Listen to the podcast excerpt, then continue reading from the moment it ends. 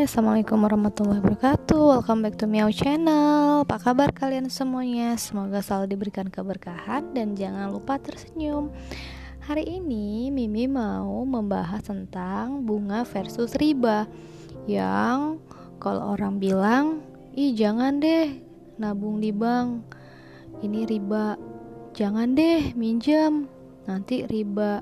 Sebenarnya riba itu apa ya? Apa bedanya riba dengan bunga?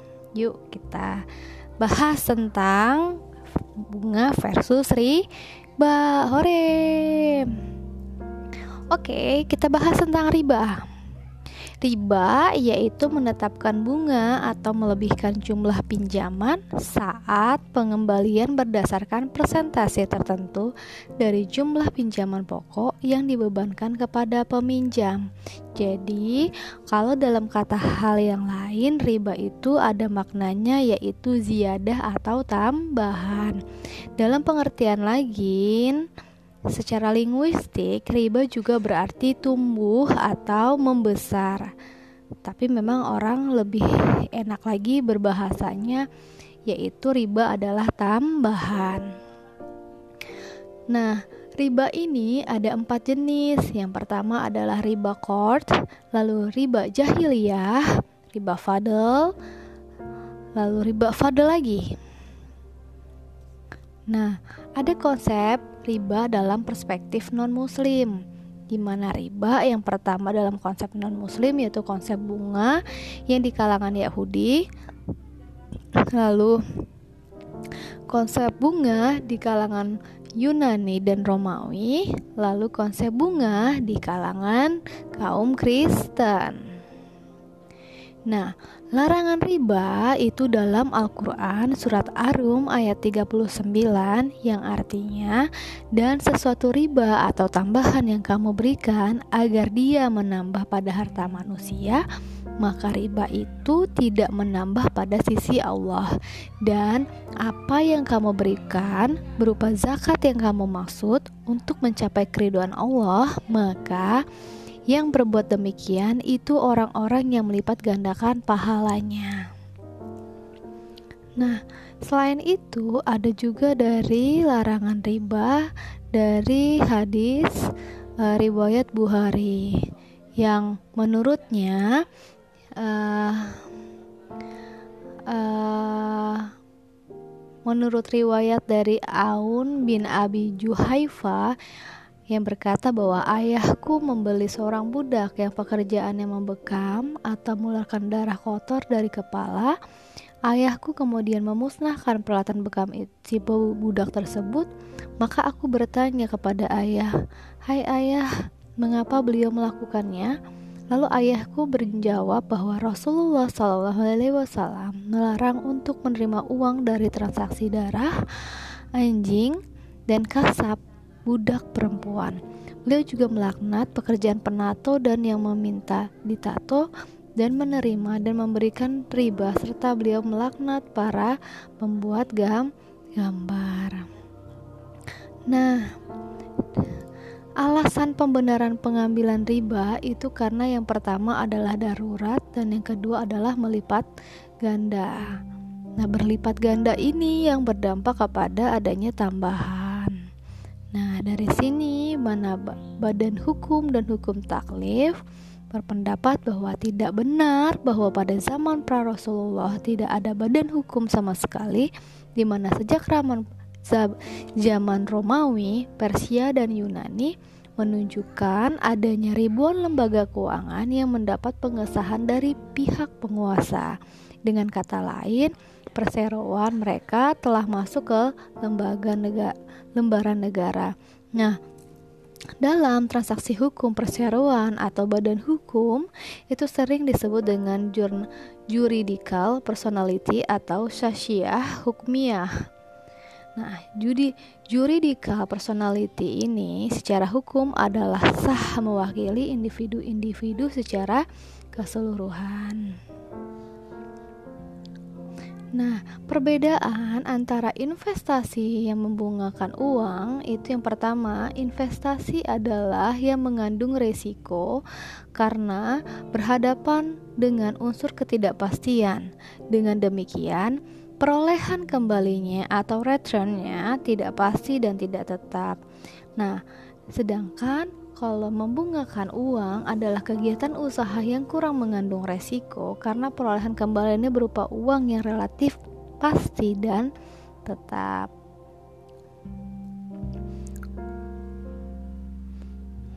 Apa perbedaannya? Hutang uang, hutang barang, bunga dan bagi hasil.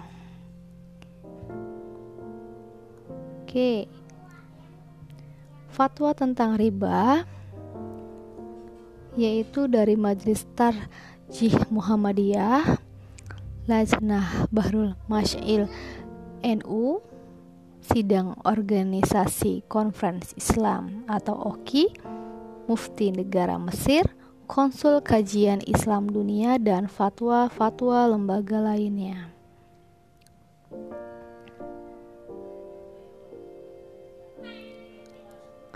Dampak riba itu ada dari dampak ekonomi dan dampak so sosial.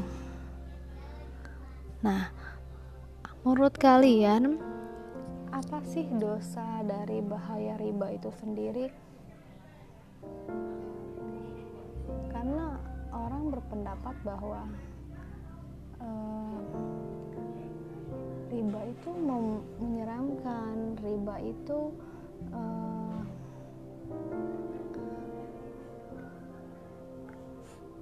satu dosa besar sehingga banyak orang berduyun-duyun yang bekerja di lembaga keuangan khususnya bank itu keluar dari pekerjaannya untuk hijrah untuk menghindari dengan adanya riba. Apa menurut kalian? Nah, kalau kita bahas dampak riba dalam perekonomian ini memang eh, kalau kita lihat bahwa petaka riba ini memang sangat buruk dan besar ya. Dan kalau bisa memang kita hindari untuk hal-hal yang uh, sekiranya yang berbau riba seperti misalnya bank peminjaman di bank atau yang lainnya. Dan dan oleh karena itu riba juga merupakan dosa besar. Nah hukuman di dunia itu berupa berkahnya dicabut dan dikuasai oleh setan dan yang lebih dahsyatnya lagi diperangi Allah dan Rasulnya. Nah, hukum di akhirat kekal di negara. Allah itu sangat serius melarang adanya riba. Nah, benarlah bahwa Allah mengatakan bahwa sistem bunga tidak menumbuhkan ekonomi masyarakat. Tapi justru menghancurkan adanya sendi-sendi perekonomian negara bangsa dan masyarakat secara luas. Kayaknya kalau kita membahas riba itu sama aja kita membahas bunga ya kan. Udah gitu ditambah lagi ada lagi bahasannya lagi yang lebih fenomenal selain riba dan versus si bunga itu yaitu ada lagi yaitu zakat versus pajak tapi next nanti kita bahas deh nggak sekarang. Kita bahas tentang bunga dan riba dulu. Nah kalau kita bahas tentang riba ini pasti kita bahas tentang dampak riba baik dari segi investasinya terus dampak riba pada produksi dan employmentnya lalu dampak riba dalam inflasi negara kita lalu dampak riba pada keuangan global. Uh banyak banget kita bahas tentang ini ya Nah, coba kita dari bahas dari riba pada investasi. Coba kita bahas yang pertama ya kan. Nah, dampak riba pada investasi yaitu matinya investasi pada sektor real di mana sistem ekonomi ribawi akan menghambat investasi karena semakin tinggi tingkat bunga dalam masyarakat, maka akan semakin kecil kecenderungan masyarakat untuk berinvestasi. Nah, masyarakat akan lebih cenderung untuk menyimpan uang di bank-bank karena keuntungan yang lebih besar diperoleh akibat tingginya dari tingkat bunga. Nah, yang kedua, yaitu dampak riba dari uh, investasi yang kedua yaitu adanya pengangguran yang bertambah karena jika seseorang melihat bahwa dengan menyimpan uang di bank memperoleh hasil yang memadai dari pembungaan uangnya tanpa perlu bersusah payah, maka ia akan melakukannya. Nah, penyebab manusianya itu adalah malas bekerja dan tidak berusaha mencari penghidupan di bumi dengan cara berdagang, bercocok tanam, atau membuka perindustrian. Lalu yang ketiga, yaitu lemahnya peningkatan ekonomi dan investasi riba. Nah, eh, nah di sini riba merupakan penyebab utama terjadinya inflasi. Kenapa ya? Karena keadaan perekonomian ditandai oleh kenaikan harga secara cepat sehingga berdampak pada menurunnya daya beli sebuah mata uang karena peningkatan harga tanpa dibarengi dengan kenaikan gaji yang cukup akan mengakibatkan penurunan demand terhadap barang dan pada gilirannya akan mengurangi volume untuk investasi. Nah, ini yang sering kita alami ketika uh, di akhir tahun atau di pada saat hari-hari raya seperti misalnya lebaran uh, Idul Fitri, Idul Adha, Natal, dan Tahun Baru. Biasanya itu negara kita mengalami inflasi, perputaran uang yang begitu banyak, akan tetapi produk atau barang yang kita inginkan itu langka. Nah, itu mengakibatkan juga riba. Nah, yang kedua tadi adalah dari segi uh,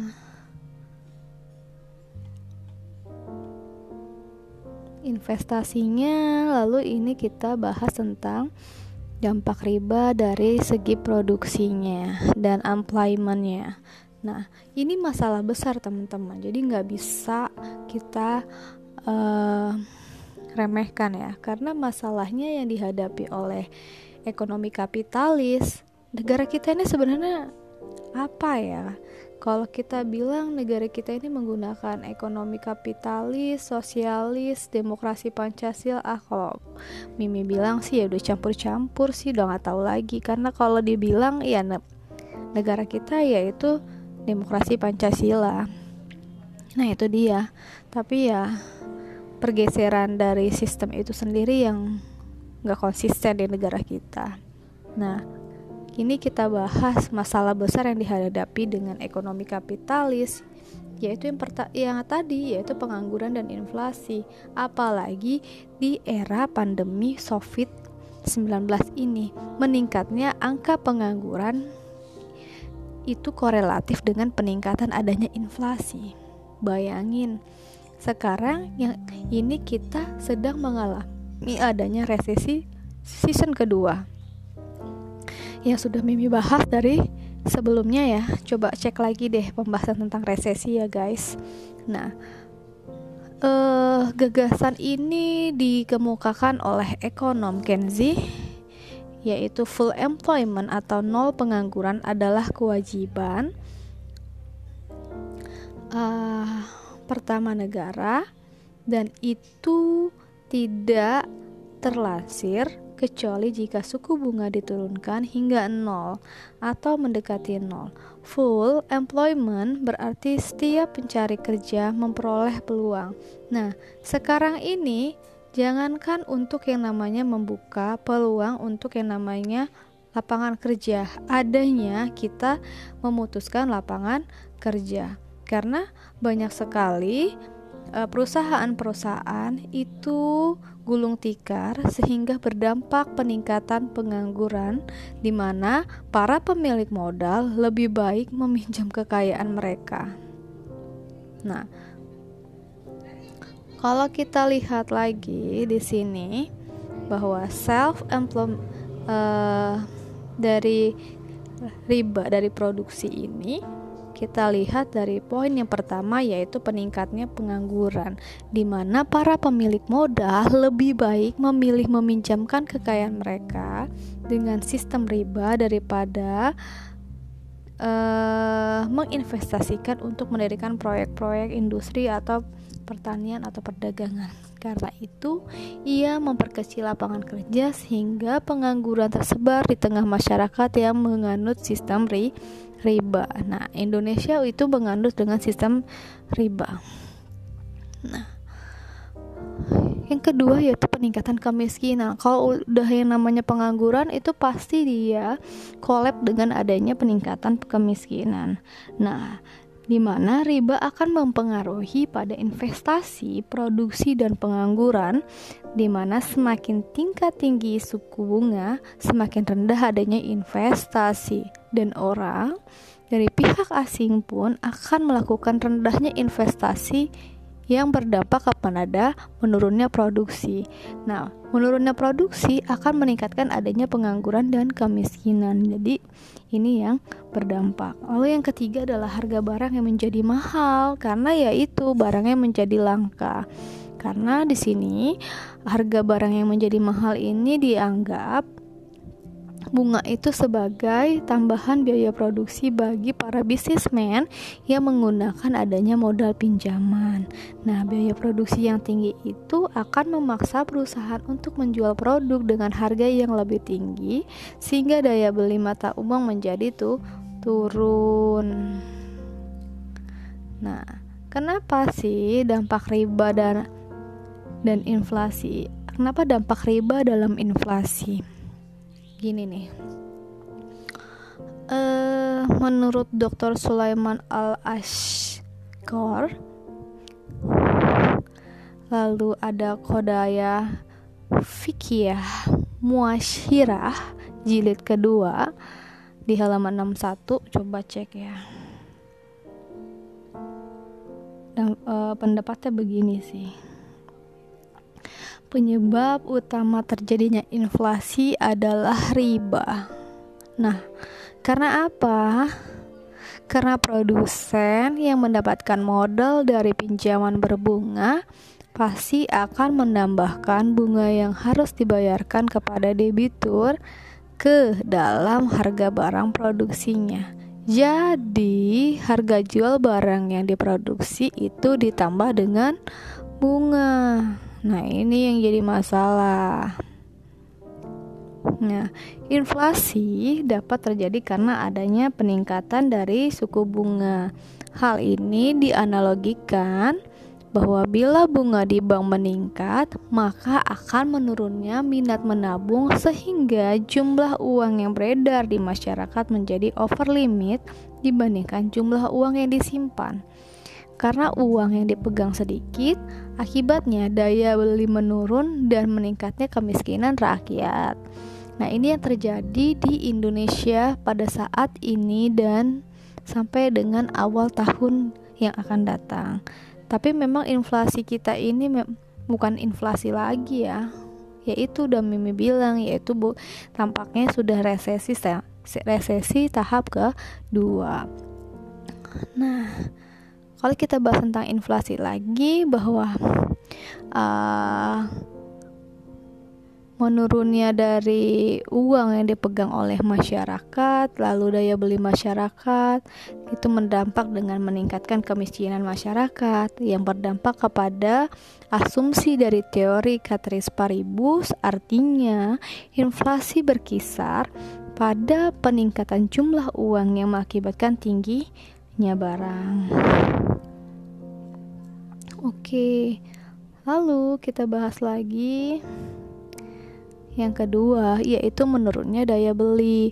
Inflasi adalah fenomena yang ditunjukkan oleh menurunnya daya beli masyarakat disebabkan naiknya harga barang yang secara garis besar dipicu faktor-faktor. Yang pertama, peningkatannya peredaran mata uang yang di pasar yang salah satunya diakibatkan sistem kredit dengan bunga sehingga pada gilirannya mengakibatkan adanya peningkatan dari harga barang.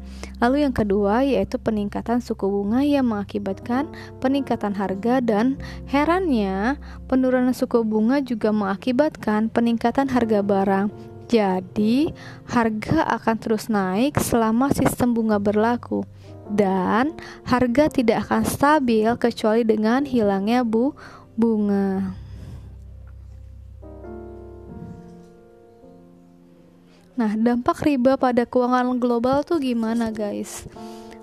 Ini kita udah ngerasain pandemi COVID-19 ini hampir setahun ya. Tapi kita berdoa 2021 tuh kita sudah bebas dong ya dari yang namanya virus. Jadi kita bisa uh, kembali normal lagi. Jadi bukan new normal tapi bener-bener normal senormal normalnya kegiatan kita. Nggak semuanya serba online nggak semuanya itu serba uh, di rumah aja atau ya begitulah. Sehingga kalau kita bisa bilang dampak riba pada keuangan global ini sangat besar ya. Di mana penyebabnya yaitu adanya krisis ekonomi global yang kita rasakan sekarang. Itu. Nah kalau kalian masih ingat dengan uh, adiknya Keynes nih namanya Lord Keynes ekonom ternama. Dia berpendapat bahwa gini Suku bunga yang tinggi menyebabkan adanya macet pasar atau terhentinya kegiatan industri dan kemudian secara negatif mempengaruhi penerimaan yang merupakan sumber produksi yang penyimpanan nasabah di bank akan berjalan terus-menerus meski suku bunga turun sampai titik nol. Hmm. Jadi ini finansial krisis ini memang dampaknya sangat besar sekali teman-teman Lalu ada juga yang berpendapat bahwa dalam memberikan tanggapan terhadap dampak bunga, ekonom e, ternama juga dari W.C. Michael dengan tepat sekali menuturkan bahwa bunga memainkan peran penting dalam mengakibatkan timbulnya krisis. Nah, ini kalau dari pendapat dari orang Indonesia nih dari uh, Nurholis Majid tahu kan dia salah satu ekonom juga dari Indonesia bahwa katanya gini Sistem ekonomi yang melanda Indonesia saat ini katanya adalah pengaruh dari global karena dikuasai oleh sistem ekonomi ribawi dari ciptaan dari sistem ekonomi kapitalis di mana negara kaya itu menghisap darah negara-negara miskin dengan adanya pinjaman bunga. Yang pernah kita rasakan selama 30 tahun di zaman era Soeharto kita mengalami sekali yaitu kita meminjam dana untuk membangun negara yang tanpa kita sadari itu bertambah terus sehingga uh, pada era Presiden Susilo Bambang Yudhoyono itu limit untuk pembayaran hutangnya luar biasa. Kalau sekarang mungkin ya era covid ini mungkin bukan hanya negara kita aja yang melakukan adanya pinjaman itu tapi beberapa negara. Alasannya yaitu untuk uh, membenahi dari segi kesehatan di era COVID-19 ini. Tapi ya alam bisa semoga dana yang memang dipinjam tersebut bisa dimanfaatkan dengan benar meskipun sebenarnya ya memberatkan dari masyarakat itu sendiri ya kan. Nah, yang selanjutnya suku bunga pinjaman menghalangi terciptanya perekonomian yang baik dan adil. Nah, dalam ekonomi riba tidak terwujud adanya rasa kebersamaan. Karena apa? Karena pemilik modal dalam sistem bunga hanya mementingkan untuk dirinya sendiri, tidak peduli pada resiko yang dialami, peminjaman apakah untung atau rugi yang penting bunga harus diserahkan dalam jumlah tertentu nah riba juga dapat menyebabkan adanya kehancuran dan kepapaan. Banyak orang yang kehilangan harta benda yang akhirnya menjadi miskin. Sebaliknya, pihak yang mempunyai modal bisa memiliki harta orang lain dengan cara mudah atau batil.